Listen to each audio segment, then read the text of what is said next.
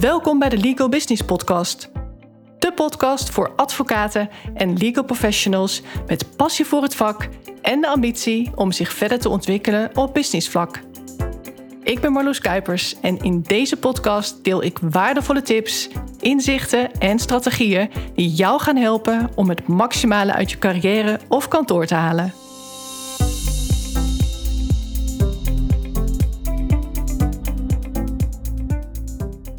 Wat is nou belangrijker? De wat of de hoe? Ik zeg de hoe.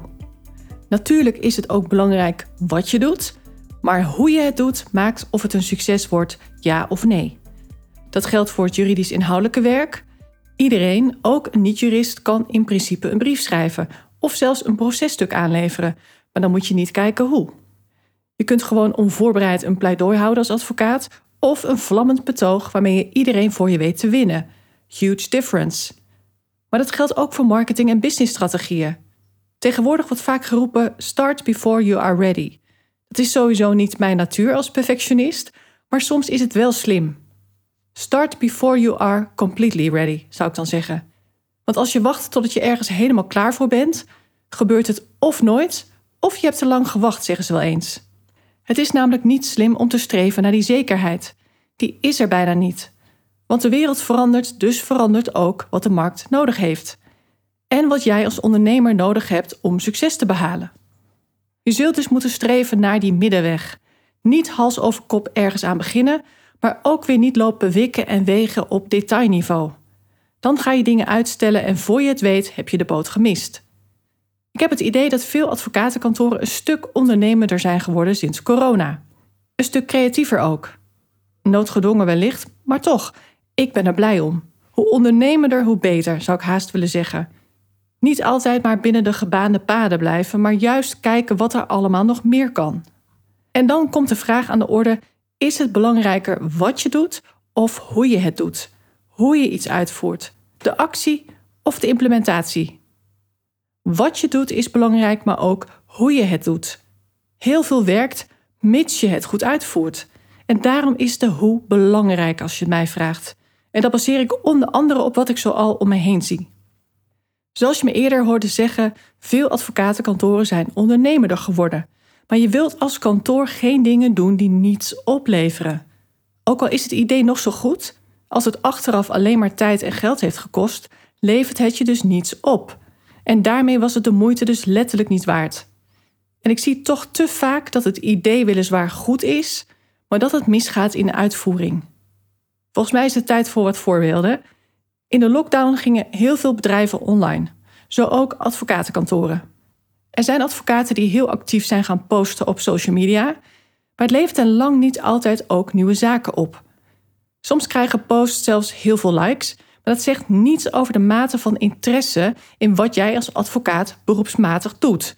Het wil namelijk niet zeggen dat mensen daadwerkelijk weten of onthouden wat jij precies doet, waardoor het jouw nieuwe zaken op kan leveren. Je ziet ook dat storytelling vaak veel likes oplevert, waaronder persoonlijke verhalen. Dan worden er dingen gedeeld die niets met de juridische inhoud te maken hebben. Maar dat geldt ook voor posts waarin interessante casussen worden gedeeld. Casussen die een maatschappelijke impact hebben. Denk aan scheidende echtscheidingen, waar kinderen de dupe van worden. Mensen liken die posts uit medeleven voor de hoofdpersonen in het verhaal.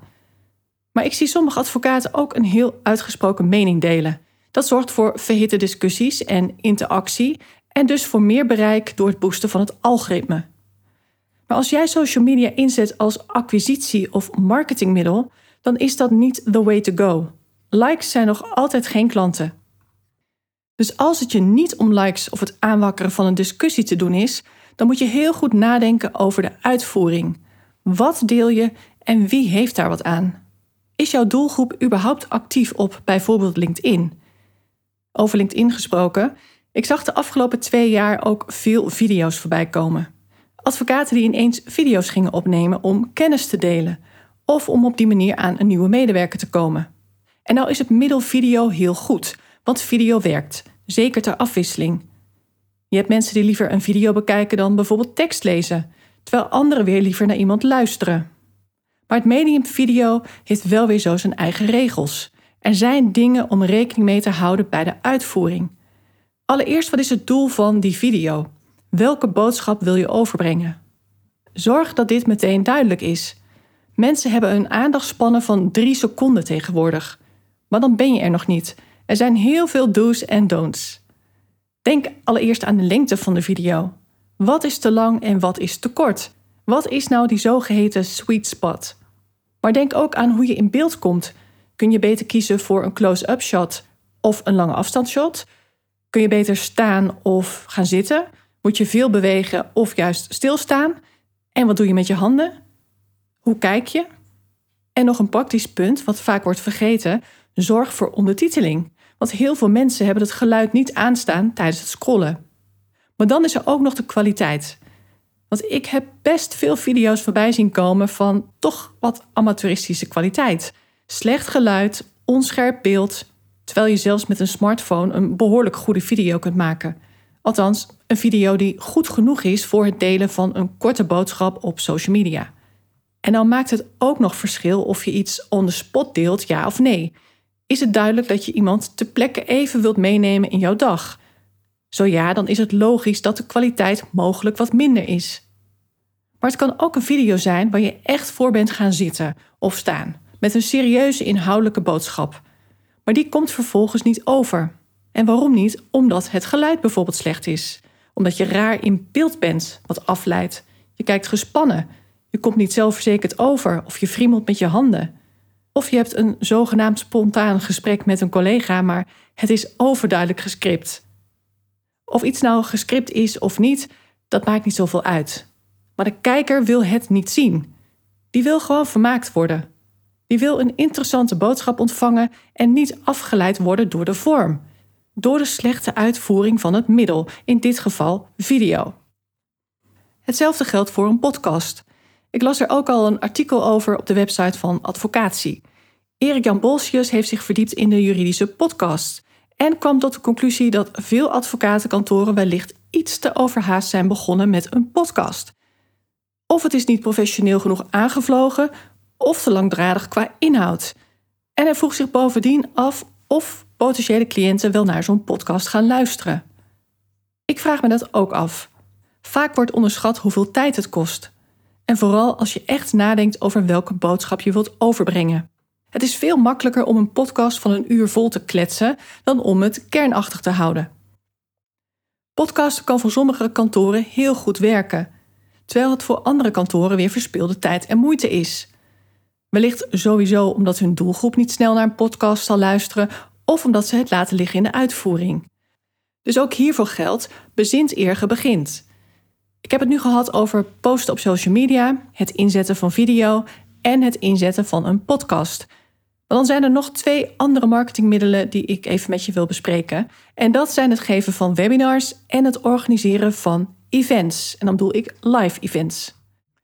Ik heb meerdere advocaten gesproken die aangaven dat webinars niets opleverden. Dan ligt het hier weer niet aan het middel, want webinars werken, mits je het goed doet. Vaak wordt onderschat dat alles een bepaalde strategie vraagt. Dat al dat soort middelen een skill betreft. Er is een stappenplan, wil je het doen slagen. Alles begint met het bepalen van een doel. Wat wil ik hiermee bereiken? Het verhaal moet een kop en een staart hebben, inhoudelijk interessant zijn en de perfecte balans zijn tussen waarde delen en een overkill aan informatie geven. Het gaat ook hier natuurlijk weer om hoe je de boodschap overbrengt. Ben je goed in presenteren of ben je heel saai als het op presenteren aankomt? Dreun je alles monotoom op of maak je het levendig en zorg je voor connectie en interactie? Praat jij in de taal van jouw ideale cliënt of heb je binnen 10 minuten al zoveel juridisch jargon gebruikt dat het woordenboek al op schoot ligt bij de kijker? Je snapt mijn punt. Er is veel om over na te denken. Het doen is niet zo moeilijk, maar het goed doen wel. Zo heb ik een advocatenkantoor geholpen om hun webinar wel converterend te krijgen. Voordat je nou fanatiek met webinars wilt gaan beginnen, of het veel gaat opleveren, hangt ook af van jouw doelgroep. En ik wil je daar best advies over geven, dus stuur me gerust een bericht als je hier vragen over hebt. Maar ik ga het nu over events hebben. Qua maatregelen mag er weer veel meer en events zijn leuk, maar ook tijdrovend en kostbaar. Organiseer je een event voor bestaande relaties of juist om nieuwe cliënten aan te trekken? Dat is de eerste vraag die je jezelf zult moeten stellen. En onderschat ook niet hoeveel tijd het kost. Een event organiseren is tijdrovend en zeker als je het goed wilt doen. Want wie wil je uitnodigen? Wat is een geschikte locatie? Gaat het een dag of een dagdeel duren? En wat ga je precies delen? Wat gaat het onderwerp zijn? Wie gaan er spreken van advocaten? En is er tijd voor vragen stellen? Hoe ga je het interactief maken? Hoe ga je ervoor zorgen dat je met zoveel mogelijk aanwezigen contact hebt? Ook zoiets. En hoe zorg je ervoor dat er nieuwe business uit het event volgt? Want uiteindelijk is dat toch de bedoeling. Laten we eerlijk zijn. Je organiseert iets voor bestaande cliënten om ze aan je te blijven binden. En nog niet-cliënten wil je natuurlijk ook aan je binden. Je wilt een mooi visitekaartje afgeven. Zo werk ik met de advocatenkantoor samen die jaarlijks een mooi evenement organiseert. Allereerst voor bestaande relaties, maar er was vorig jaar te weinig tijd om er het maximale uit te halen. Er was te weinig tijd om ook interessante potentiële cliënten uit te nodigen. Zonde. Als ik er ruim op tijd bij betrokken was geweest, dan was er veel meer uit het event gehaald. Niet alleen bestaande relaties een mooie, interessante dag aanbieden, maar dit ook aangrijpen als kans om een hele goede professionele indruk te maken op potentiële cliënten. Want dat kan dit kantoor. Ze hebben zoveel kwaliteit in huis.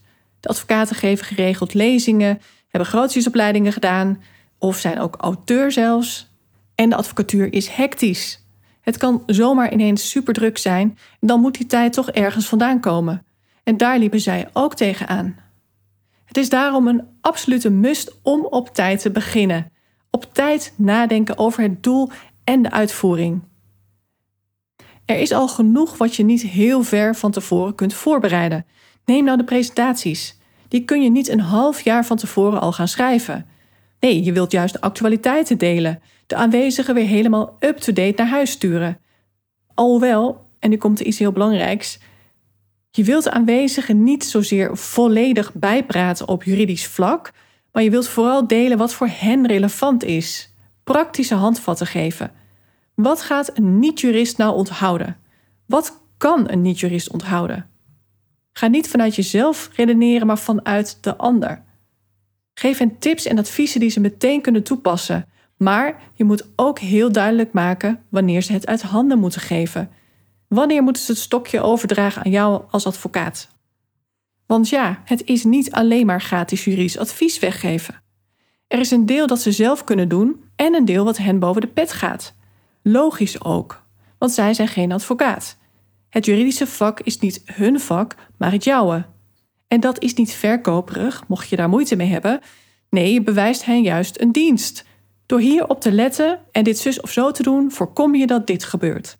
Maar mocht er zich nou dit voordoen, dan is het tijd om contact met ons op te nemen. Dat is super duidelijk, daar hebben ze wat aan. Het is net als met computers.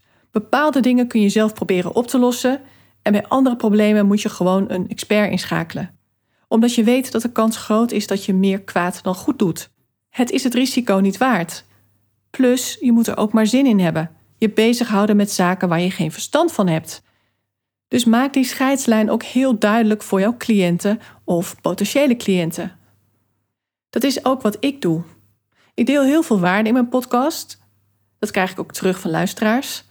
En soms hoor ik ook: geef je niet te veel weg. Misschien wel, maar dat is het risico van waardevolle content willen delen. Maar voor mij persoonlijk geldt dat als ik vind dat iemand veel waarde deelt, terwijl ik nog niet eens klant ben, dan heb ik het vertrouwen dat ik als klant bij die persoon in goede handen ben. En dat ik dan waarschijnlijk al helemaal veel waarde krijg. Want waar het eigenlijk deze hele aflevering al over gaat, is dat het succes niet zozeer in het idee zit, maar in de juiste uitvoering van dat idee. Ga niet klakkeloos een ander kantoor nadoen. Wat voor hen heel goed werkt, kan voor jullie wel helemaal niet werken. Ga ook geen webinar geven om een webinar te geven. Ga geen event geven omdat kantoor X dat ook doet. Ga zelfs niet ergens een vestiging openen omdat een ander kantoor dat ook doet. Soms is het veel slimmer om wanneer iedereen rechts gaat, juist het links af te gaan. Bij het afwegen van wat je wel of niet doet, gaat het er niet alleen om of je ergens nou wel of geen geld aan zou moeten uitgeven, dus echt kosten maken, maar ook om tijd en geld te besparen. Wat is nou slim om te doen als kantoor? Wat gaat ervoor zorgen dat jullie winstgevende worden? Wat is de snelste of leukste manier voor jullie om aan de juiste cliënten te komen? Dat is maatwerk en dat is mijn toegevoegde waarde. Je kunt eindeloos dingen zelf uitproberen en dat zullen velen ongetwijfeld ook doen. Maar realiseer je wel, je geeft dan geen geld uit aan advies, aan hulp, maar het kost je wel geld op een andere manier. Jouw tijd is ook geld waard. Reken jouw uurtarief maar eens door. En een mislukt project is ook een kostenpost. Terwijl werken met mij bijvoorbeeld een investering is. Daar zit echt verschil in. Op kosten moet je scherp letten, maar naar investeringen moet je echt anders kijken. Je geeft geld uit zodat het je meer geld of tijd oplevert. Dat is ook waar innovatie om draait. Mocht jij nou tijd en geld willen besparen en mijn maatwerkadvies willen, dan kunnen we uiteraard een gesprek inplannen. Je kunt daarvoor naar mijn website gaan www.marloeskuipers.nl of check even de show notes bij deze aflevering. Daar vind je niet alleen de link naar mijn website, maar ook naar bijvoorbeeld LinkedIn en Instagram. En ben je nou een fan van de show? Ben jij een fanatieke luisteraar en haal je veel inzichten of bruikbare tips uit mijn podcast? Dan zou ik het heel erg waarderen als je mij een 5-sterren review wilt geven op Spotify. Met één druk op de knop kun je tegenwoordig een 5-sterren review geven. Natuurlijk ook minder sterren, maar daar ben ik niet zo blij mee, dat snap je. Je ziet het linksbovenaan staan in de app onder de volgknop. Klik die ook meteen even aan, zou ik zeggen. Dan krijg je meteen een melding van een nieuwe aflevering.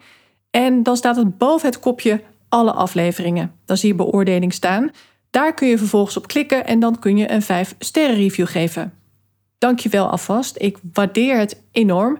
Het motiveert ook natuurlijk. Want hoewel ik heel veel kan delen in een podcast, is het medium anderzijds juist heel anoniem. Ik kan niet zien wie er luistert. En dat vinden sommigen ongetwijfeld heel fijn. Maar interactie, door met mij te delen wat je uit de podcast meeneemt of door een vraag te stellen die je wellicht hebt, is daarom des te leuker voor mij. Dit was alles wat ik wilde zeggen vandaag. Ik wens je nog een hele mooie dag of een hele fijne avond en graag tot de volgende aflevering. Bye bye.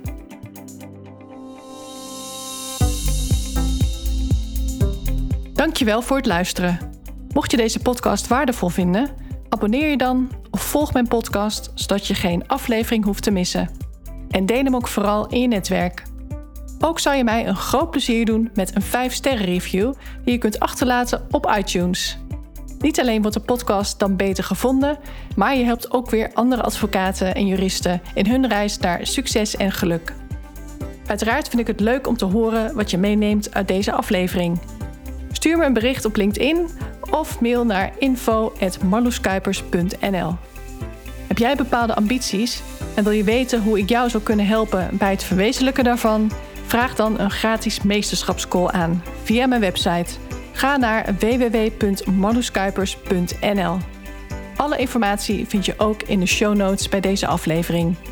Ik kijk er naar uit om van je te horen. Tot de volgende keer.